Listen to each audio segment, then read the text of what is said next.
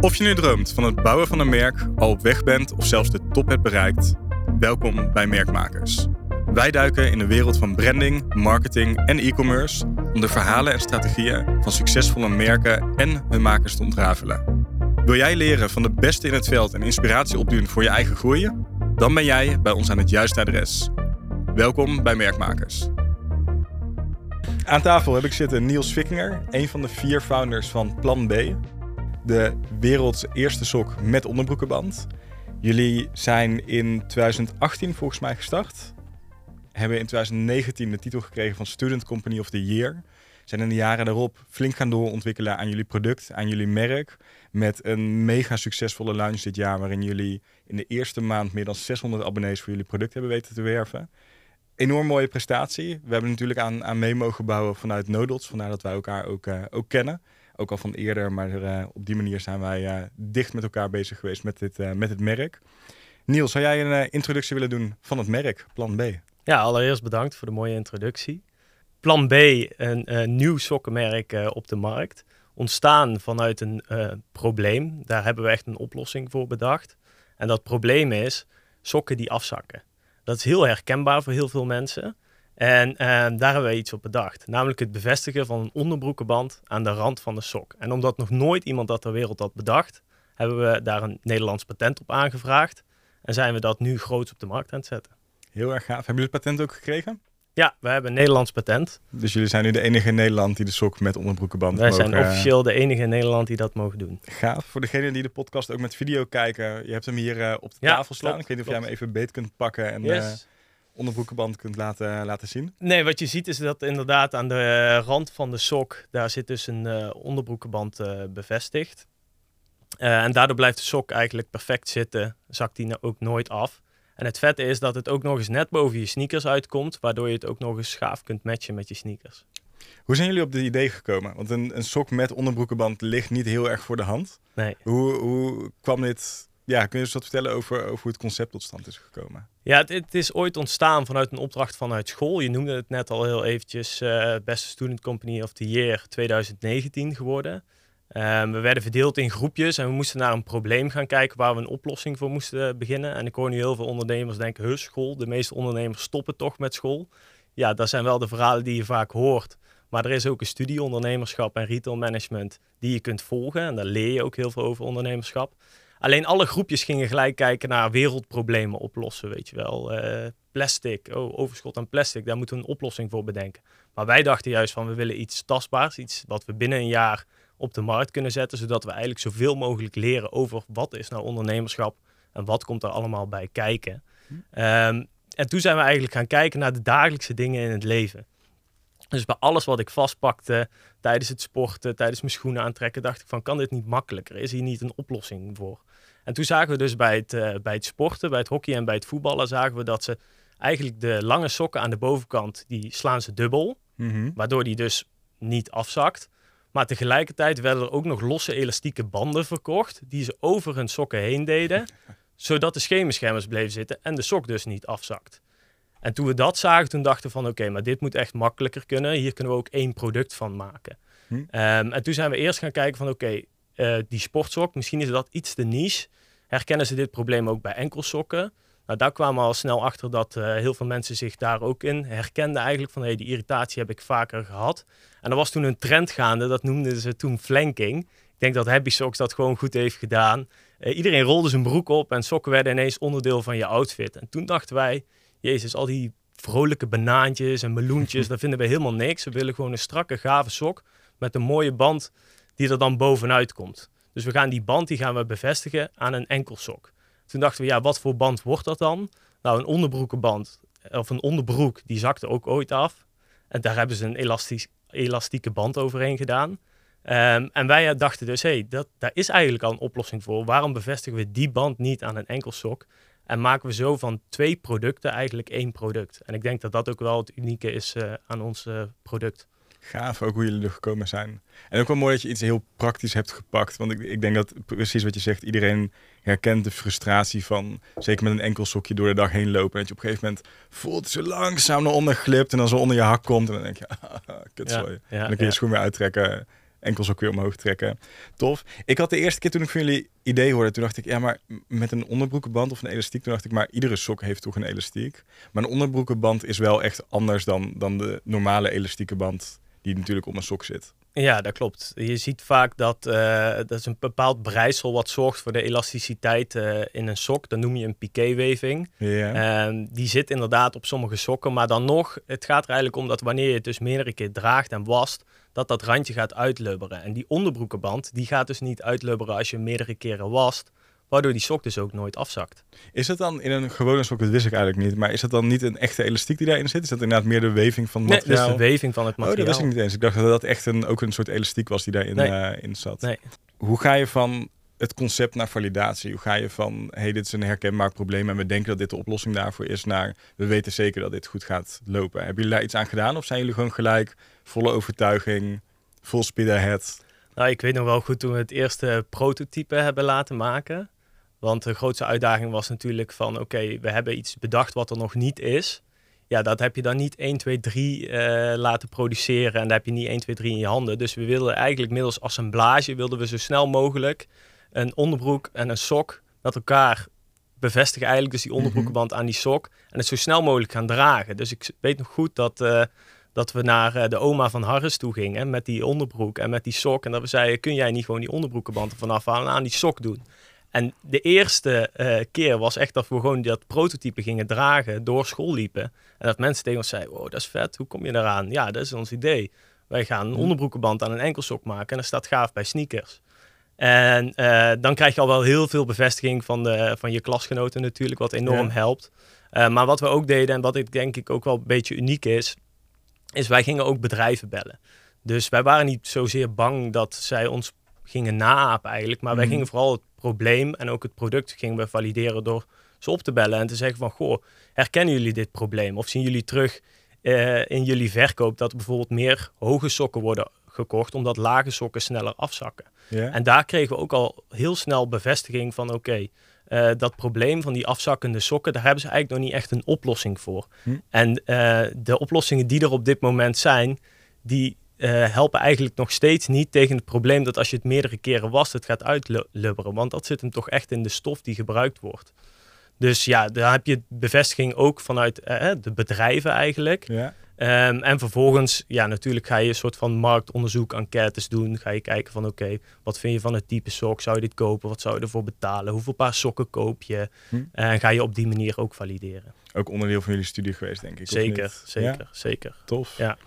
Het is grappig, want je zei net gelijk al dat je niet bang was dat die andere bedrijven ermee vandoor zouden gaan. Dus toevallig iets wat een van de vorige gasten, Sven, ook heeft aangegeven. Je zei ook bij alles, ik ben niet bang, ik ben niet bang. Nee, Is dat, laat ik hem anders stellen, waarom ben je er niet bang voor? Waarom is dat niet een soort van, is dat gewoon wie je bent? Is dat een soort van bevestiging die je ergens anders vandaan had? Wat, wat maakt dat je zegt, oh, we waren niet bang als we dit idee zouden pitchen, dat een ander bedrijf zegt, oh, daar gaan we... gaan ja, enerzijds natuurlijk gewoon omdat je jong bent en je hebt gewoon lef en je denkt van ik, ik bel die bedrijven op als studentje en ze gaan echt niet een studentenbedrijfje wat net start, daar gaan ze niet naapen. En Dat Hm. dachten wij niet. Maar toen we eenmaal eh, wisten van hé, hey, het is er niet en we gaan er een patent op aanvragen en we gaan on- ons merk registreren, toen werd het wel een ander verhaal. Toen Ja, werden we wel wat wel. voorzichtiger in de benadering omdat we wisten van we hebben echt iets unieks in handen. Ja. Maar in die fase zaten we toen nog helemaal niet. Dat Nee. hadden we nog helemaal niet ontdekt. Ook waardevol, denk ik, omdat je daardoor wel je idee kunt aanscherpen, kunt valideren, zonder dat je er Zeker, heel... Ja, Zeker. Juist door die bedrijven te bellen hebben we echt de meest leuke gesprekken gehad. Eh, ik weet nog heel goed bijvoorbeeld dat we ook een, even tussendoor een heel ander Ja. idee, maar dat we een idee voor een probleem hadden voor eh, spullen die eh, gestolen werden uit kleedkamers bij het voetbal en het hockeyen. En ze hebben altijd zo'n box die ze meenemen naar de training en de wedstrijd. Dus wij dachten, we maken daar achterop een kluisje. Toen gingen we ook bedrijven benaderen. En die bedachten daar als het ware weer oplossingen op. Met slotjes en noem maar op. En die zeiden gewoon gelijk van, ah, superleuk idee. Eh, wij willen het wel financieren. 50% eh, van de aandelen is voor ons. Let's go met het studentenbedrijfje, weet je wel. Dus er komt zoveel meer op je pad als je ook echt bedrijven gaat bellen en daar langs gaat. Ja, dat is gewoon onwijs gaaf. ja, dat snap ik. Dit jaar zijn jullie gelanceerd onder de merknaam Plan B. Ja. Wat is er in die tussentijd gebeurd? 2019 tot, nou, we zitten nu in 2023. Dus jullie hebben, zijn vier jaar lang Ja, bezig geweest om op dit punt te komen. Wat is er in die vier jaar gebeurd? Kun je ons in vogelvlucht meenemen? Ja, ik wou zeggen, ik zal het in een vogelvlucht doen, want anders dan wordt het, uh, kunnen we nog twee podcasts opnemen, denk ik. Um, in, een, in een vogelvlucht, eigenlijk, uh, wat ik al heel kort zei, hebben we natuurlijk het Nederlandse patent. Dat wilden we eigenlijk in, in het stadium waarin wij nog uh, studeerden, wilden we dat eigenlijk heel snel uitbreiden. Want we hadden eigenlijk niet zo heel veel tijd, omdat we moesten en afstuderen en een minor doen. Dus wij dachten van oké, wat is nou slim om te doen? Laten we een soort licentiemodel gaan starten. En laten we gewoon de grootste uh, modemerken gaan benaderen van... hé, hey, we hebben een super tof idee. Uh, weet je, jullie mogen dit idee gebruiken met jullie merknaam erop... maar bij elke verkochte sok over de toonbank gaat er een x-percentage gaat er naar ons toe. Royalty model eigenlijk. Eigenlijk een royalty model. Ja. En toen brak de coronacrisis uh, uit. En uh, we hadden een partij die werkte voor ons op no-cure, no-pay basis. En uh, die gingen in eerste instantie de grootste merken benaderen. En daar hadden wij geen contacten mee, maar die hadden zij. Dus daar lag ook heel erg de waarde. De grootste merken zijn, dan moet ik me... Ja, Adidas, Puma, Nike. Gewoon de echte, echte sportmerken. Ja, de echte sportmerken eigenlijk. En uh, toen ze die benaderd hadden, uh, mochten we sokken toesturen. We hadden een fantastisch lookbook gemaakt waar de logos van de merken al op hadden gezet. Toen zeiden ze allemaal, het ziet er fantastisch uit. Uh, maar het is op dit moment eigenlijk de investering uh, niet waard. Hm. Dus nee. En toen zag je eigenlijk gelijk dat die partij die op no-cure, no-pay basis werkte, zijn keutel introk. Hm. Want die dacht natuurlijk van oké, okay, hier ga ik niks aan verdienen, dus hier ga ik ook geen tijd meer in stoppen. Want die verdienen ja. er alleen aan op het moment dat er een deal valt. En toen kwam het heft eigenlijk in onze handen en moesten wij al die partijen gaan benaderen om die deal te sluiten. En daar hebben we echt gedaan tot aan Baller toe, waar we op gesprek uh, konden komen en ons producten naartoe mochten sturen. Uh, kregen we continu te horen, super vet idee, ziet er super gaaf uit, veel potentie, maar ja, de komende zes maanden gaan we geen risico nemen, hier gaan we niet in, uh, in investeren. Hm. Uh, waarin wij elke keer weer dachten van shit, balen, we moeten weer terug naar die tekentafel. Yeah. Um, en op een gegeven moment verliep eigenlijk onze termijn om dat licentiemodel neer te zetten. Want we hadden een aanvraag ingediend voor een PCT-aanvraag. En dat, daar koop je eigenlijk anderhalf jaar verlenging om je patent ook nog eens internationaal uit te gaan breiden. Hm. Um, en dat zou je nodig hebben, had je met dat licentiemodel willen werken? Ja, had ik daarmee willen werken. En die uh, bedrijven hadden dat dan ook mee uh, gefinancierd. En, en dat geld hadden we niet. We hadden wel al ons geld hadden we wel in die PCT-aanvraag gezet. Maar uh, het geld om het uit te breiden, paard je echt per land voor tussen de 3 en 5.000 euro. Ja, dat, dat was er gewoon niet. Ja. Um, dus moesten we weer terug om de tekentafel, termijn verlopen. En toen hadden we eigenlijk twee plannen op tafel liggen. We zeiden of we gaan een crowdfunding doen via Kickstarter, of we gaan een investeerder aan boord halen. En toen um, stond ons, kregen we een kans om ons bedrijf te presenteren op de Golden Egg, eigenlijk een platform voor start-ups hier in de regio. En we hadden ook die Kickstarter-campagne uh, helemaal klaargezet. Tot een marketingbureau gezocht wat er ervaring in had, landingpage gemaakt, offers gemaakt, fulfillment helemaal uitgezocht. Uh, en uiteindelijk kwam een investeerder op ons pad, waar wij natuurlijk ontzettend blij mee waren. En die hebben we eigenlijk binnengehaald door simpelweg onze sokken aan hem te geven. Hij gaf ze aan zijn drie zoons. Mm -hmm. En die drie zoons die zeiden de hele tijd tegen die moeder van... hey, uh, zijn die sokken alweer uh, klaar? Uh, zijn ze al uit de was? Want ik wil die sokken aan. Die zitten veel fijner. Dus eigenlijk hebben de kinderen van onze investeerder... onze investeerder zo ver gekregen van... hey, ga eens nou met die jongens op tafel, want die hebben een super vet idee. En toen zijn we inderdaad drie tot zes maanden met elkaar plannen gaan maken... om vervolgens plan B op de markt te zetten. En plan B is uiteindelijk subscription model. Dus ja. je neemt eigenlijk een abonnement op de sokken, toch? Ja, dat klopt. En wat wij zeggen van, wij zijn een nieuw product, wij zijn een nieuwe draagsensatie. Wij vinden eigenlijk dat deze sokken veel lekkerder zitten dan de normale enkelsokken, omdat ze dus ook zo goed blijven zitten. Zeggen van, we willen dat iedereen de mogelijkheid krijgt om dit te proberen. Dus daarom is het eerste, de eerste sok is gratis. Die mag je gratis proberen. En op het moment dat je dan eigenlijk niet uh, je proefperiode in je proefperiode opzegt, ja, dan heb je een abonnement en dan word je eigenlijk elke maand uh, verrast met een ontwerp sokken. Gaaf. Ja. Hey, en waar wij vandaag in willen duiken, uh, ook gedeeltelijk trouwens op jouw feedback, want jij was een van de proefpersonen aan wie ik de eerste aflevering van de podcast had laten horen. Ja. En jij zei super gaaf. Ik zou het nog beter vinden op het moment dat er een soort van deep dive in zit op één specifiek onderwerp. Wat ik, wat ik hele goede en, en terechte uh, ja, kritiek of feedback vond. Dus toen ben ik met jou na gaan denken en ik denk één een van de onderwerpen die er bij jullie echt uitspringt, is de free publicity die jullie ja. hebben gekregen. Want we zeiden net al in de intro, jullie hebben 600 abonnees in die eerste maand gekregen. Dat is een, een waanzinnig aantal. En zeker met denk ik, het is niet dat jullie een, een enorm groot bedrijf achter jullie hebben staan die tonnen in marketing investeert. Jullie hebben een goede investeerder, maar ook, ik denk, net als iedere start-up moet je zuinig omgaan met het startbedrag en het startkapitaal wat je hebt. En dat, dat hebben jullie echt waanzinnig gedaan. Free publicity, volgens mij, ja, jij kunt het beter noemen dan mij, maar ik had het gevoel dat jullie die twee weken overal voorbij zag komen. TV, radio, kranten, volgens mij is er niks wat, wat aan jullie voorbij is gegaan. En dat is best wel aanzinnig, zeker voor een start-up, zeker voor uh, uiteindelijk ook een commercieel bedrijf, denk ik. Dus dat lijkt me heel erg gaaf om vandaag met jou uh, een deep dive in te doen, om te kijken wat maakt jullie zo succesvol in, in dat stuk. Nou, ik zal eerst misschien vertellen waarom we uiteindelijk ook voor free publicity hebben gekozen. Want veel veel bedrijven ligt het heel voor de hand om te zeggen van uh, het geld wat de investeerder inbrengt, dat stoppen we in de advertising en dan weten we precies wat het ons kost om een, om een klant uh, binnen te halen of een lead binnen te halen.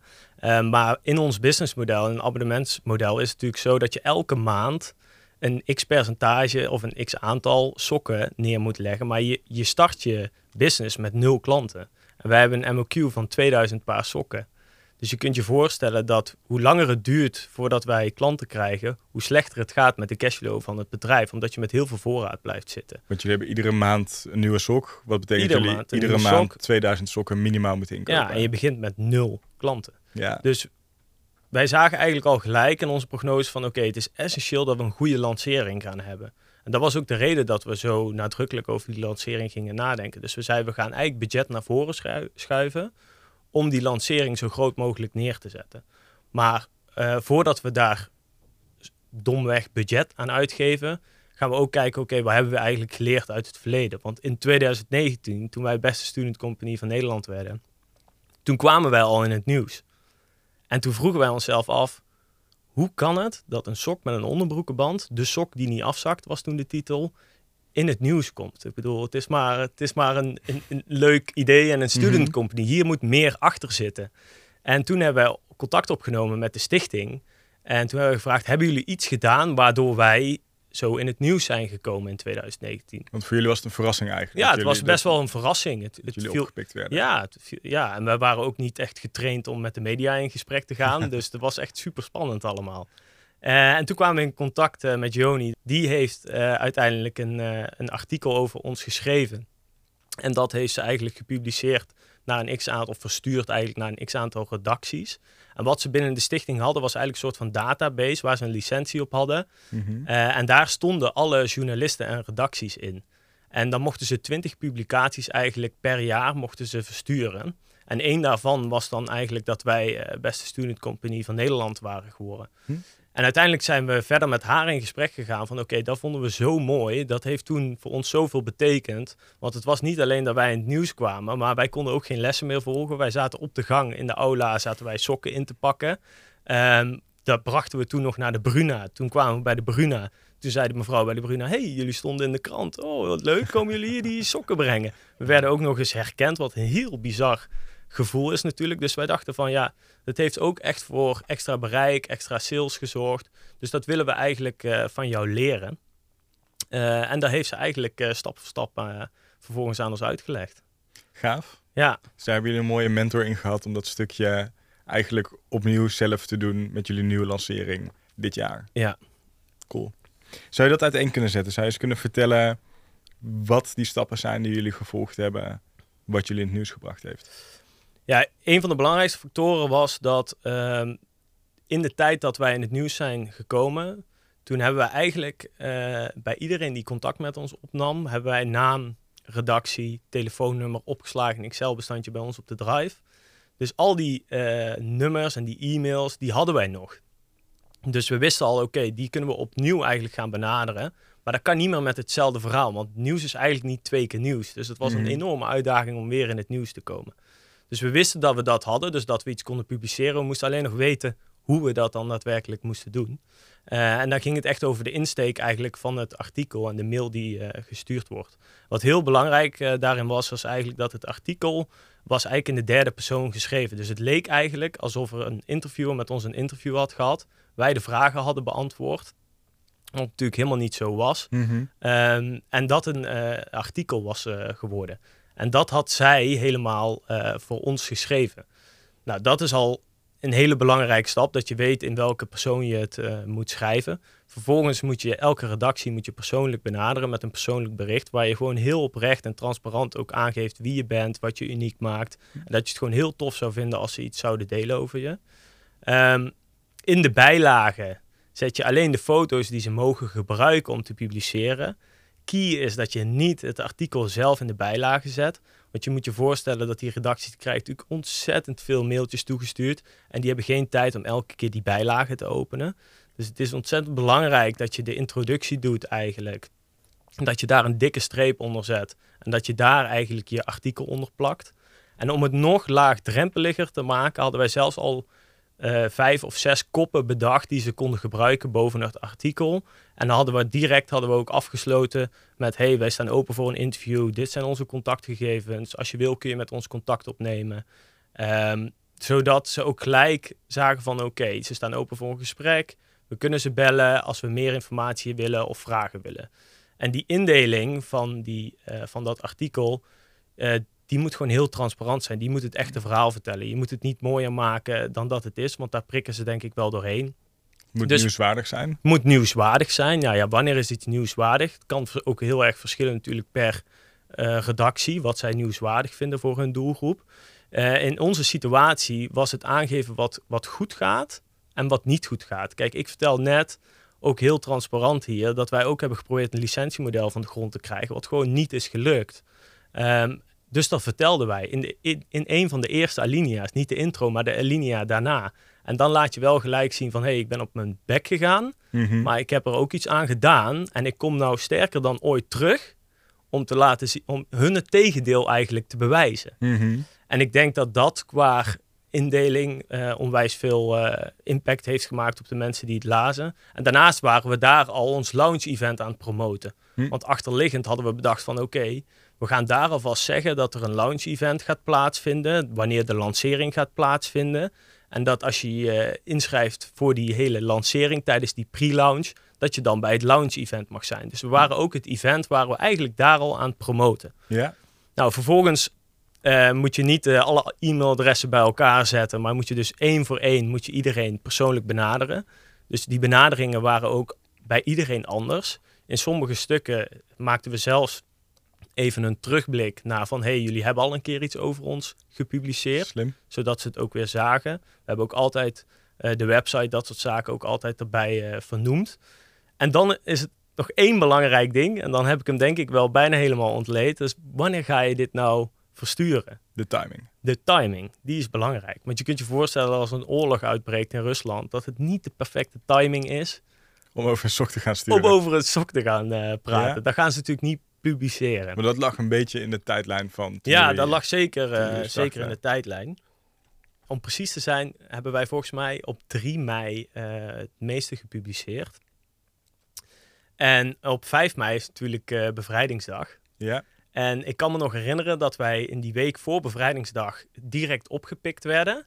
En dat we toen, was het bevrijdingsdag, en toen kregen we letterlijk mailtjes van redacties van... hé hey jongens, bevrijdingsdag, allemaal vaste events waar we naartoe moeten het kan gewoon nu niet op de planning. We verplaatsen het naar volgende week. Hm. Maar daardoor waren wij wel twee weken nieuws. Dus we hadden eigenlijk volledig de controle. Ja. En volledig vanaf 3 mei tot bijna 21 mei, zeg maar, iets, iets daarvoor, werden wij in het nieuws uh, zichtbaar. Ja, dat heeft voor enorm veel traffic uh, gezorgd. Wat ik nooit had verwacht was dat we nog groter in het nieuws waren dan dat we voorheen waren geweest. Want waar zijn jullie allemaal in het nieuws geweest? Kun je aantal plekken noemen? Wat ja, uh, ik denk dat we wel drie keer op de radio zijn geweest bij 538. De eerste keer dat we daar waren, stuurde iemand mij gewoon letterlijk een opname terwijl hij in de auto naar zijn werk zat. Toen hebben wij direct sokken daar naartoe gestuurd. Waardoor ze dus nog een keer in de studio over die sokken begonnen. Slim. Um, wij zijn op um, ehm, FHM geweest, wat ik wel echt zelf echt een hoogtepunt uh, vond. Uh, dat is toch wel echt een, een, een platform voor mannen. Hè? Voor ja. Magazine heet het volgens mij ook. Uh, ja, en wij focussen ons ook in, in, in begin situatie heel erg op mannen. Dus we dachten gelijk van oké, okay, als we daarop komen, dat is super vet. En die hebben we ook gewoon via social media zelfs uh, benaderd. Want daar hadden we nog geen, uh, geen e-mailadressen of iets van. we zijn bij RTL 4 geweest. Waar denk ik voor misschien wel voor de meeste traffic heeft gezorgd Bij Editie NL zijn we ook op tv voorbij gekomen. Dus ja, dit, dit, en dit is echt nog een notendop van, van waar wij zijn geweest. Ja, gaaf. Je noemde net al die zaken die belangrijk zijn en waar je rekening mee moet houden.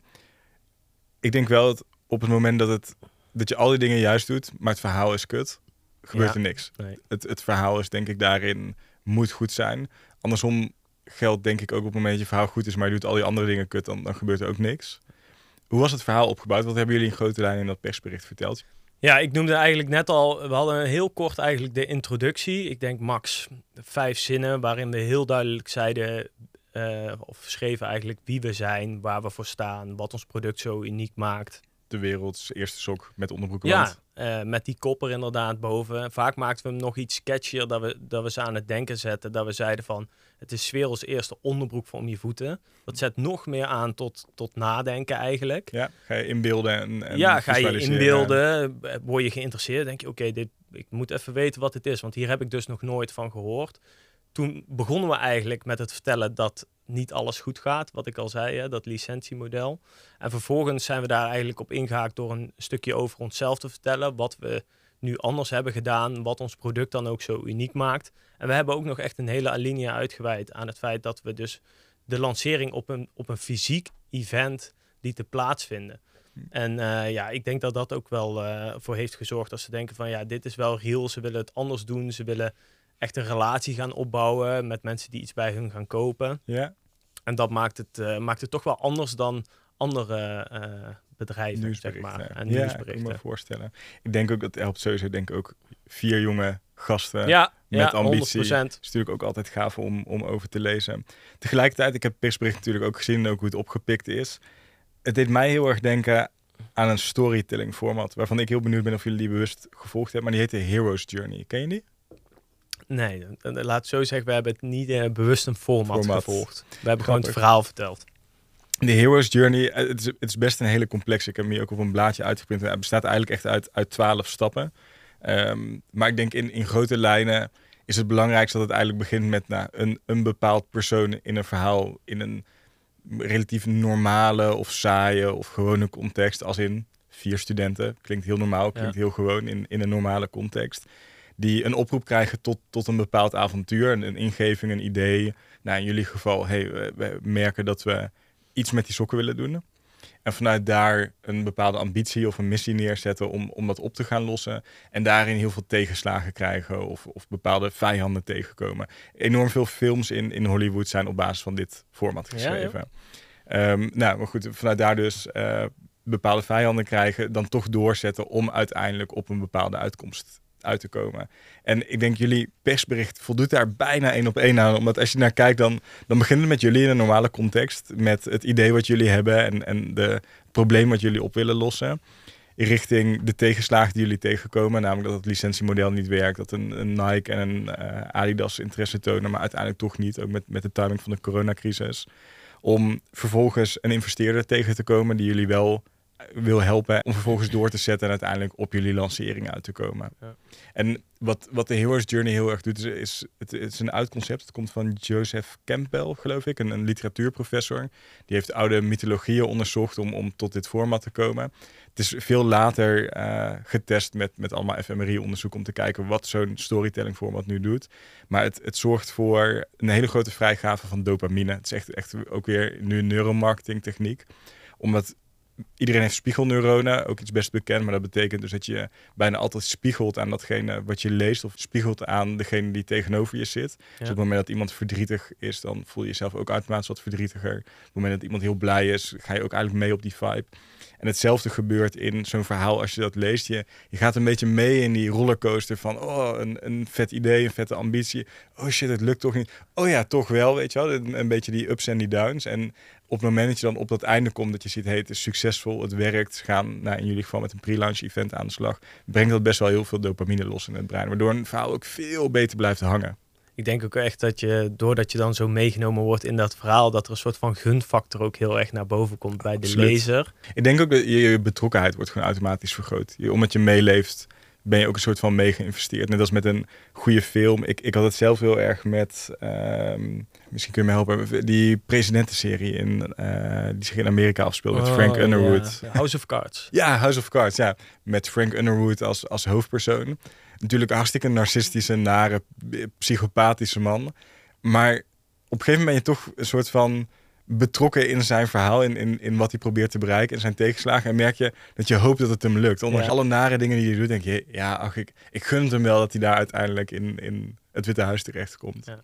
En ik denk dat dat is wat zo'n Hero's Journey ook doet. En dat dat ook is wat jullie persbericht ook wel losmaakte. Enerzijds natuurlijk, en die heb je nodig aan de eerste kant van de journalisten. En vervolgens ook bij de mensen die het lezen om tot die bestellingen te komen. Ja, en ik denk nog iets. De, de meeste uh, journalisten en redacties, dat valt allemaal onder DPG. Dus het is ook een soort vuurtje wat gaat aanwakkeren. En twee keer tot twee keer toe zijn wij opgepikt door Omroep Brabant. En je zag eigenlijk, Omroep Brabant was er als eerste bij. Wij publiceerden het volgens mij, wij verstuurden naar Omroep Brabant om zeg drie uur. En net iets voor zes belden ze nog met hey, mogen we wat vragen stellen? En diezelfde avond was het nog gepubliceerd. Zo snel ging mhm. het. En daarna merk je hoe snel andere redacties daar eigenlijk op inspringen. Dus ik weet ook niet of ze het allemaal naar elkaar doorsturen of dat ze elkaars artikels lezen. Maar eigenlijk heb je maar één goede catch nodig. En dan gaat het vuurtje wel wakker. Ja. Ik denk dat, dat ze daarin, dat is denk ik ook wel het nieuws, ze willen niks missen. En ik, ik kan me heel goed voorstellen wat je zegt, dat ze naar elkaar kijken en zoiets hebben van, als het dan volgens bij Omroep Brabant staat, misschien de eerste krant die zegt, ah, dit willen wij fysiek gedrukt hebben. De eerste radiozender die zegt, nou, dan willen wij de eerste zijn die die jongens op de radio hebben.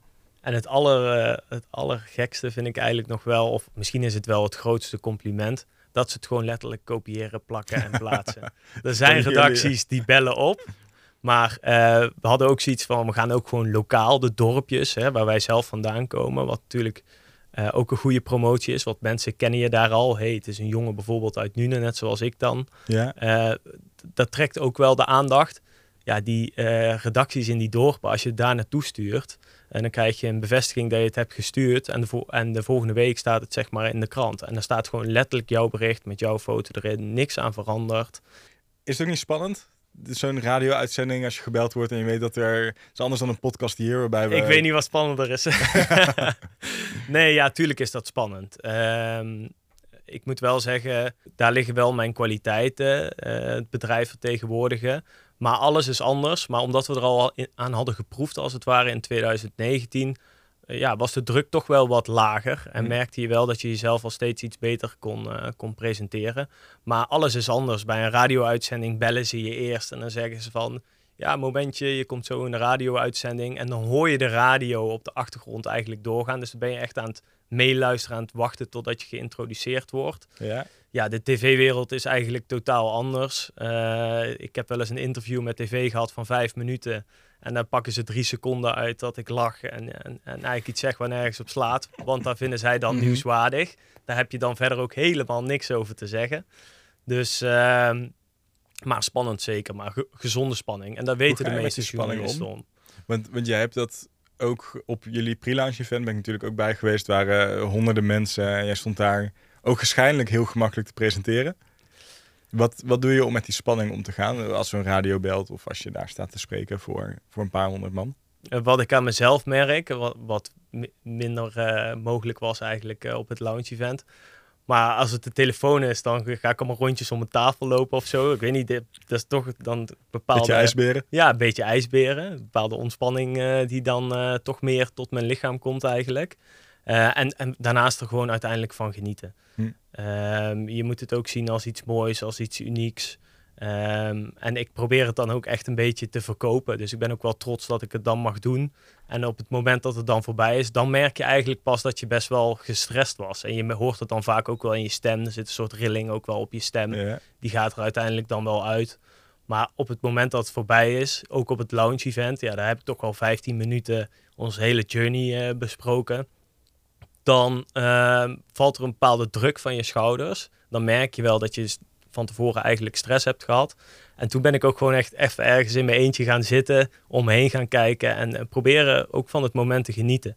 En je niet te veel mee te laten sleuren in van, oh, ik ben zenuwachtig, ik ben gestrest. Eh, en daarna maar weer gelijk onder de mensen te gaan. Maar ik ben me echt even teruggetrokken gaan zitten en ik geniet ook maar eens van dit moment, weet je wel. Daar mag je best trots op zijn. Zeker weten, Ik denk ook dat, het is mooi wat je zegt, ik ervaar dat zelf ook wel heel vaak zo. Als je spannende dingen doet, het is vaak even doorbijten in die eerste minuut. En daarna op het moment dat je merkt, hey, oké, er zit een rilling in mijn stem of een trilling in mijn stem. Maar ik kan prima gewoon praten. Na een minuutje of na twee minuutjes zit je erin en dan, dan ben je het eigenlijk ook alweer vergeten. Maar het is vooral even die drempel waar je zelf is die drempel waar je over moet. Douwen. Ja. 100 procent. En nee, bij mezelf heb ik het altijd dan, dan merk ik het zelf niet eens, maar dan hoor ik vanuit anderen die dan in de auto in de radio zitten te luisteren. Oh ja, ik hoorde een klein rillingje, maar je deed fantastisch, weet je. En die bevestiging, dat, dat geeft ook zelfvertrouwen. En dan elke keer dat je het weer doet, gaat het weer een stukje beter. Dus dat, uh... En het maakt het ook authentiek. Ik heb het ook altijd als je iemand op tv ziet of, of iemand op de radio hoort. En, en, je kunt dan wel horen dat iemand gespannen is. Dan denk ik ook, ja, good for you dat je doet. En, en het hoort erbij. Het is echt. Ja, het is echt. We zijn en dan mensen. gun je het zijn misschien iemand ook weer meer. ja. 100 Ja. 100%. Grappig dat die Heroes Journey dan iets is wat jullie, denk ik, onbewust is. Dan denk ik ergens ook de marketingervaring die jullie hebben opgepikt. Of dat je naarmate je het vaker doet, het, het sneller of, of door hebt wat werkt en wat niet werkt. Dat je, dat je langzaam richting dat format bent bewogen zonder het specifiek of heel bewust toegepast te hebben. Ik ga hem toch gewoon even helemaal het hele format. ik, ja, ik heb hem hier uh, uitgeprint. Een een en al. Even opnoemen. Het start dus altijd in de gewone wereld waarin de held of het bedrijf, het merk, wat, wat dan ook in, in die context van, de, van het verhaal begint in een bekende omgeving. Het is een normale wereld van een held waar eigenlijk alles saai en voorspelbaar is komt er op een gegeven moment de oproep tot avontuur. Dat is het tweede deel van het format. Iets gebeurt waardoor de held wordt uitgedaagd om zijn comfortzone te verlaten. Het kan een brief zijn, een idee, een plotse gebeurtenis, een ontmoeting. Vaak, en dit zit er niet altijd in, maar in films zie je vaak wel, heb je dan de weigering van de oproep. Dus in eerste instantie kan de held terughoudend zijn om te vertrekken naar de nieuwe wereld. Door angst of plicht of dingen die hem ergens houden. Held ontmoet daarna iemand, de ontmoeting met een mentor, uh, die hem helpt en begeleidt op zijn reis. Mentor geeft vaak advies en voorwerpen die later nuttig kunnen zijn. Oversteken van de eerste drempel, dus de held besluit dan toch uiteindelijk om maar die, die nou, oproep tot avontuur aan te gaan en te gaan starten. Komt daarin testen, bondgenoten en vijanden tegen. Dus eenmaal in die onbekende wereld moet de held uitdagingen aangaan en overwinnen om verder te komen. Bereiken van de diepte zit in, in films herken je die dan ook altijd is een cruciaal omslagpunt. De held komt er voor een enorme uitdaging te staan. Soms is dit een leven- of doodsituatie.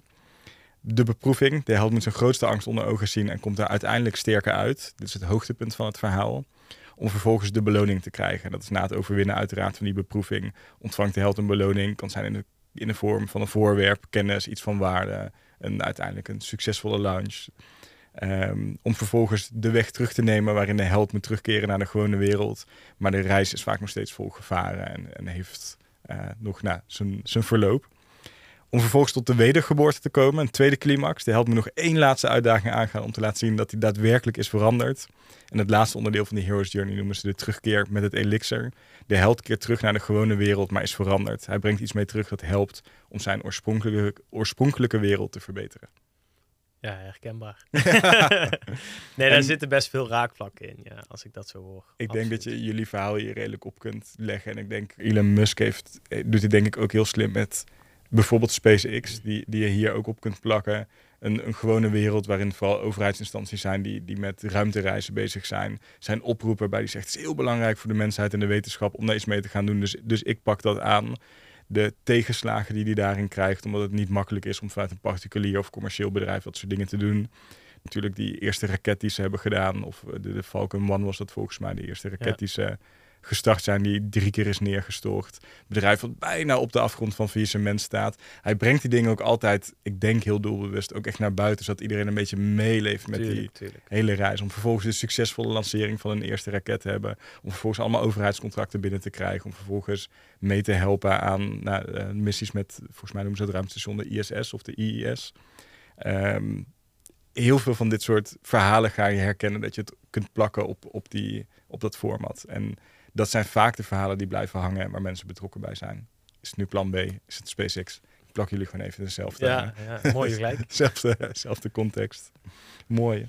Ja, zeker. Ik, ja, ik heb ook wel eens uh, gehoord dan uh, een stukje van Elon uh, dat die, die, die pre-sale bij hem is ook altijd zo krachtig, weet je wel. Dan is er één model gemaakt die hele massaproductie die moet dan nog beginnen. Mhm. Maar dan gaat hij toch dat model gaat hij al verkopen. En dan Ja. haakt hij gewoon al duizenden, duizenden mensen binnen. Die verkoopt hij al die auto. Terwijl die auto's nog helemaal niet op grote schaal worden gemaakt. Die Mhm. mensen moeten een x aantal maanden wachten voordat er is. Want die mensen zo fan zijn van heel dit verhaal. Ja, Ja, is die pre-sale is fantastisch. ja, 100%. Ik denk, samengepa- samengevat voor de free publicity, heb je een hele hoop best practices genoemd, die we denk ik kunnen samenvatten en vul me aan waar ik hem vergeet. Maar belangrijk om vanuit de derde persoon te schrijven. Belangrijk om rekening te houden met de timing van je bericht. Belangrijk om een persbericht makkelijk te copy en te of copy-pastebaar te maken. Ja, Dus dus het ook, moet eh, echt in één, in één e-mail staan. Eén e-mail, ja, niet niks in de bijlagen. Foto's meeleveren die van hoge kwaliteit zijn en Ja. gebruikt kunnen worden voor het persartikel. Jullie hebben zelf, zei je, koppen bedacht die makkelijk overgenomen konden worden voor het artikel. Ja, ja, het laatste is vooral eh, je afsluiting natuurlijk. Dat je zegt van oké, dit zijn mijn contactgegevens. Ja, eh, we staan open voor een interview. bent. Zorg dat je makkelijk bereikbaar bent. Ja. En voor het verhaal kunnen we denk ik dat tot de conclusie komen dat als je daar inspiratie voor zoekt, dat sowieso de Hero's Journey een mooi format is om te 100%, volgen. 100%. Ik weet ook zeker dat jullie product ook een rol heeft gespeeld. En, en wat je zegt, dat is denk ik ook nog een hele belangrijke takeaway. Jullie hebben er iets sketchies van gemaakt. Ja. Wereld eerste sok met onderbroekenband of de eerste onderbroek om aan je voeten. Ik denk dat dat ook de nieuwsgierigheid triggert tussen de honderden persberichten die ze per dag zullen krijgen. Ja. 100%. Ik denk dat het voor een soort van stopkracht ook wel heeft eh, gezorgd. Dat je toch echt denkt van hé, hey, zoiets is er nog niet. Ja, Dus dan ga, ik toch, dan ga ik het toch lezen. Ik denk het laatste wat nog belangrijk is, is dat free publicity is één. Zeg maar, en dat is een, een succesfactor bij ons geweest. Maar op het moment dat je natuurlijk zoveel mensen naar je eh, website toe krijgt, ja, be prepared, weet je wel. Zorg wel Ja. dat je je funnels uiteindelijk zeg maar goed eh, klaar hebt staan, goed gaat vullen, dat je daar de juiste informatie geeft, Ehm, zodat die mensen ook uiteindelijk geïnformeerd worden en ook geconverteerd worden naar een, eh, naar een Ja. klant.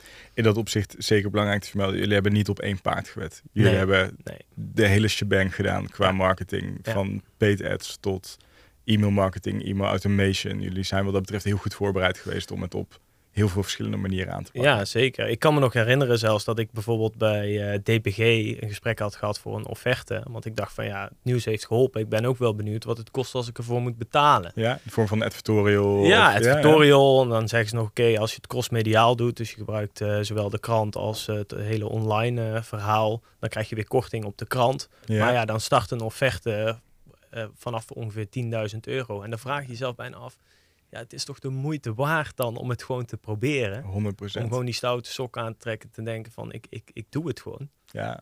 ja, en met succes. Ja, en met succes. Ter afsluiting ben ik wel benieuwd, waar liggen jullie ambities voor de komende paar jaar? Waar willen jullie naartoe en wat is jullie grootste uitdaging op dit moment?